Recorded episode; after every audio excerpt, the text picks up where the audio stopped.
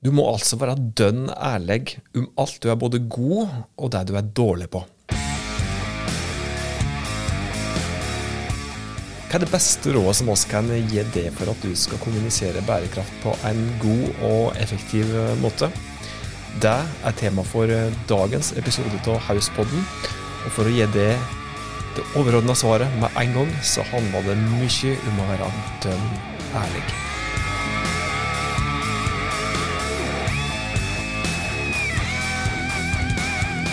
Hei, du. Hjertelig velkommen til Hauspodden, podkasten fra fagfolket i Haus.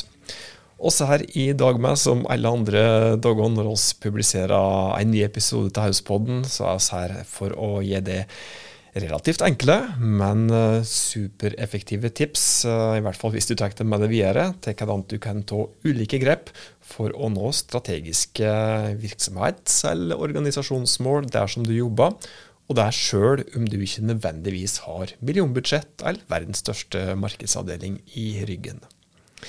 Jeg heter Tormod Sperstad. Si tusen takk for at eh, du har trykt på play på dagens eh, podkastepisode. Ja, stutt og greit så skal det handle om bærekraftkommunikasjon i dagens podkastepisode. Og denne episoden er relativt stutt, eh, først og fremst for å tease det litt om framtidige episoder. For tanken er nemlig at dette her skal, ei, dette her skal være ei oppvarmingsepisode Eh, for en framtidig episode der vi eh, skal trekke inn en eh, norsk ekspert som har forska på nettopp dette her med bærekraftkommunikasjon. Og bare for å nevne det òg, hvordan du skal kommunisere bærekraft, det er gjerne noe som du jobber med på tiltak eller på takt taktisk eller operativt nivå. og Det forutsetter gjerne at du har gjort grunnleggende bærekraftarbeid fra før i virksomhet eller organisasjon som du jobber i.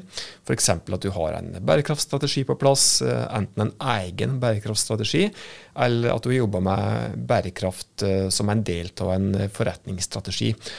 Og Likeens så forutsetter, så forutsetter at du har gjort grunnleggende analyser, som f.eks. en vesentlighetsanalyse og en interessentanalyse, og kanskje òg en egen BISWOT, eller en bærekraft-SWOT. Jeg tror kanskje at fort en bærekraftsvåt òg fort kan bli et tema for ei enda en episode når jeg hører meg sjøl prate her. Men det å ha grunnleggende ting på plass eh, før du begynner å kommunisere bærekraft, det er viktig. Men målet med dagens eh, introepisode, som da er en intro til et litt større tema om hvordan du skal kommunisere og markedsføre bærekraft, er jo da stutt og greit faktisk fem konkrete tips til hvordan du skal kommunisere bærekraft effektivt. Og Det første tipset det er vel egentlig nesten det viktigste, og det går på at du skal være ærlig. Du skal være dønn ærlig. Og egentlig så kunne vi jo stoppe her òg, og latt det være det beste og eneste tipset i dagens episode. Men eh, jeg har noen flere tips eh, på lur, men for å utdype da, hva jeg egentlig mener med dette her med at du skal være ærlig i bærekraftkommunikasjonen din, jo, eh, det handler jo om at det er ei hårfin grense mellom det som er grønnvasking, det som blir opplevd som grønnvasking, og det som er reell bærekraft, eh, bærekraftsarbeid. Og Det er slik at eh, det har kommet en del strengere regler rundt eh, bærekraftkommunikasjon. Faktisk såpass strenge regler at enkelte virksomheter faktisk kvir seg litt for å kommunisere bærekraft, i frykt for at de blir oppfatta som nettopp grønnvaskere. Og bare for å si det, og det er superviktig å kommunisere det som du gjør når du jobber med bærekraft. Så i stedet for å la være å kommunisere fordi at du er redd for å bli oppfattet som en grønnvasker, så er det bedre å tilegne seg kunnskap om bærekraft, slik at du faktisk kan kommunisere trygt utad det som du da faktisk eh, gjør. Og Det er òg faktisk i senere tid blitt litt endring i hvordan målgruppene dine oppfatter bærekraftkommunikasjon, og hva som egentlig blir opplevd som grønnvasking og ikke-grønnvasking. Og så har vi pratet om dette i tidligere podkastepisoder, så spol det tilbake til den episode der vi prata om grønnvasking.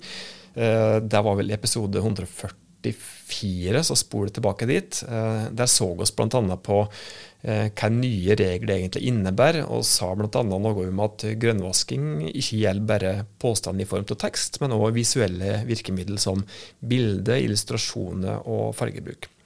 Så vi anbefales absolutt at du spoler deg tilbake til episode 144 der, altså, hvis du ikke husker den, eller ikke har hørt den i det hele tatt. Men eh, tilbake til dette med å være ærlig. Hvis du er ærlig og viser det som du reelt sett faktisk får til av resultat, og dokumenterer det, så kommer du ganske så langt. Likeens at du er ærlig om det som du ikke får til når du jobber med bærekraft. Trekker du fram begge deler, at du er god på det, men mindre god på noe annet, så oppfatter faktisk målgruppa di som mer troverdig. For alle vet jo det at ingen er perfekt. Så hvis du da kan, kan synliggjøre dine svakheter òg, så blir du faktisk eh, ofte oppfatta som mer troverdig. Så for all del, kommunisere bærekraft, men vær eh, ærlig. Viktigst av alt, hvis du er reelt opptatt av bærekraft, er å ta ansvar for å bidra da, og vise at du gjør det, og ikke minst gi håp ved å kommunisere godt og rett. Når vi spiller denne podkastepisoden her, så nærmer vi oss slutten av oktober 2022. Og nå er det slik at det akkurat er publisert en rapport. Eh, Barnas miljørapport, som Redd Barna og Miljøagenten da har publisert. Der eh, de konkluderer bl.a. med at kun ja, svært få unge i Norge tror at verden greier å løse klimaproblemet. De konkluderer òg i den rapporten at de fleste unge i Norge føler på desperasjon og avmakt, og at mange er bekymra for sin egen framtid. Dette her er ille. Myter mye av dette her, altså redselen som vi ser i undersøkelser som dette her, der tror jeg bunner litt i feil kommunikasjon og måten som vi da leser om dette her i f.eks. media, og dette er også dokumentert i forskning, det er altså kommunisere dommedag gjør at folk føler avmakt, at eh, folk distanserer seg og føler at ingenting nytter. Sjølsagt, det er ikke til å stikke under en stol at det er en alvorlig krise.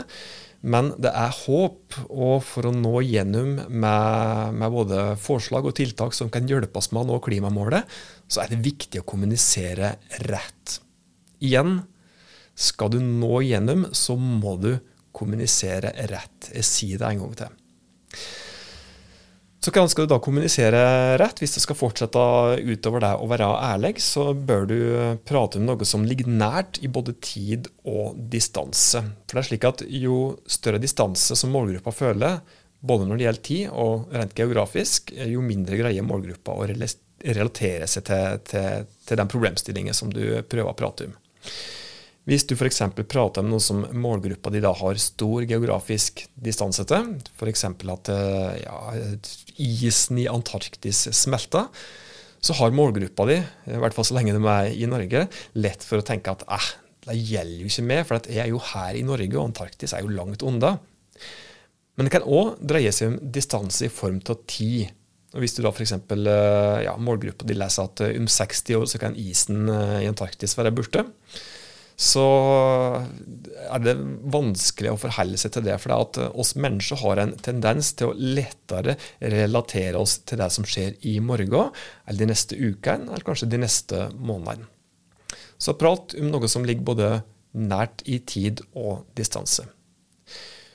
Du bør også prøve å motivere og vise at alle monner drar. Eh, og Det kan du gjøre på litt ulike måter, f.eks. å vise at ting nytter. Eh, for å nevne et ferskt eksempel som jeg opplevde sjøl når jeg var ute på liten reisefot eh, i forbindelse med jobb her eh, for et par dager siden. Så brukte jeg jo selvsagt å reste oss, reste oss kollektivt. Og jeg brukte Vy-appen til å bestille ei togreise. Og det er slik at Du kan aktivere ditt eget klimaregnskap, slik at du kan se hvor mye CO2 du faktisk sporer for. Sporer hvis du da reiser tog, eller hva du reelt sett faktisk har spart da, ved å ta togreise over den og den distansen. Og På den måten så viser jo da Vy at alle måneder drar, at det hjelper at det tar toget istedenfor å kjøre bil, f.eks. Og på den måten så motiverer de med òg. Som en liten fortsettelse av tipset her, så, så, er det viktig når du kommuniserer at du viser tips og motiverer. og i stedet for å si at du er et miljøsvin når du ikke utnytter matrestene dine, så kan du gi konkrete tips som f.eks. Slik, eh, slik får du et festmåltid ut av pastapakka som gikk ut i fjor, f.eks. Det går litt på, på shaming, for det er beviselig også slik at, uh, at shaming fungerer dårlig. Hvis du greier å motivere istedenfor å shame, gi folk en skyldfølelse, så fungerer det bedre. Du bør også prøve å gjøre det enkelt for målgruppa di å ta bærekraftige valg, gjennom f.eks. tips og råd igjen, da, men òg belønning i form av ulike ting. Det kan f.eks. være ja, noe som jeg har sett eh, en del har begynt å gjøre nå, og kanskje tatt eh, etter den første som vi så begynte å gjøre det. Det var Stormberg, som jeg tror kanskje var en av de første Eh, tekstilleverandørene slash produsentene i Norge som begynte med panteordning, der du da kunne få, eh, få litt igjen for eh, den fleecegenseren som du leverte Intrøm. Så brenning i form av panteordninger som f.eks. noe slikt som dette her, det er noe som gjør det enklere for målgruppa di å ta bærekraftige valg. Det siste tipset som du skal få om hvordan du kan kommunisere bærekraft eh, effektivt eh, og nå gjennom til målgruppa di når du skal kommunisere bærekraft og markedsføre bærekraft, eh, det er at du setter tall i kontekst, slik at det blir lettere å forstå. Du kan godt bruke setninger som f.eks.: For ja, fordi du valgte produkt X for oss i fjor i stedet for produkt Y, så sparte du miljøet for 950 kg med CO2. Men hvor mye er egentlig 950 kg med CO2? For mange så er dette litt vanskelig å forholde seg til. Men hvis du da legger til en setning etterpå, der du da sier f.eks. at uh, dette her tilsvarer x antall bilreiser med bensinbil mellom Lillehammer og Oslo, så blir det lettere for målgruppa å forholde seg til det, og kanskje relatere seg til det, og kanskje og dermed òg uh, agere senere og velge mer uh, bærekraftige løsninger fra f.eks. det. Og En del av det som er nevnt uh, i denne episoden, her, handler om såkalte barrierer som forhindrer oss å nå bærekraftmål, og forhindrer oss med å nå ut med bærekraftkommunikasjonen vår.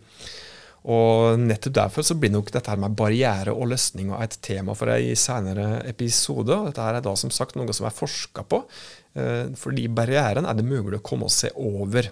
Eh, dette er da løsninger som handler bl.a. om at du skal prøve å få bevege, eh, bevege målgruppa di over i en mer bærekraftig retning ved å, eh, ved å ta helt bestemte grep. Da. Og her er det prat om eh, forsknings, ja, forskningsmateriell som er gjort fra en av ja, som kan si er ledende i Norge på akkurat dette her med, med bærekraft. Per Espen Stoknes. Er da norsk forskningsrapport som vi skal ta utgangspunkt i her. Da er det på tide med ukas uh, framsnakk, og denne uka her så skal oss framsnakke Ungt entreprenørskap Innlandet. Stutt og greit, Ungt Entreprenørskap Innlandet de inspirerer unge til å tenke nytt og skape verdier. Og de i seg sjøl syns er såpass bra at det fortjener å bli løfta fram i Hauspodden i ukas framsnakk.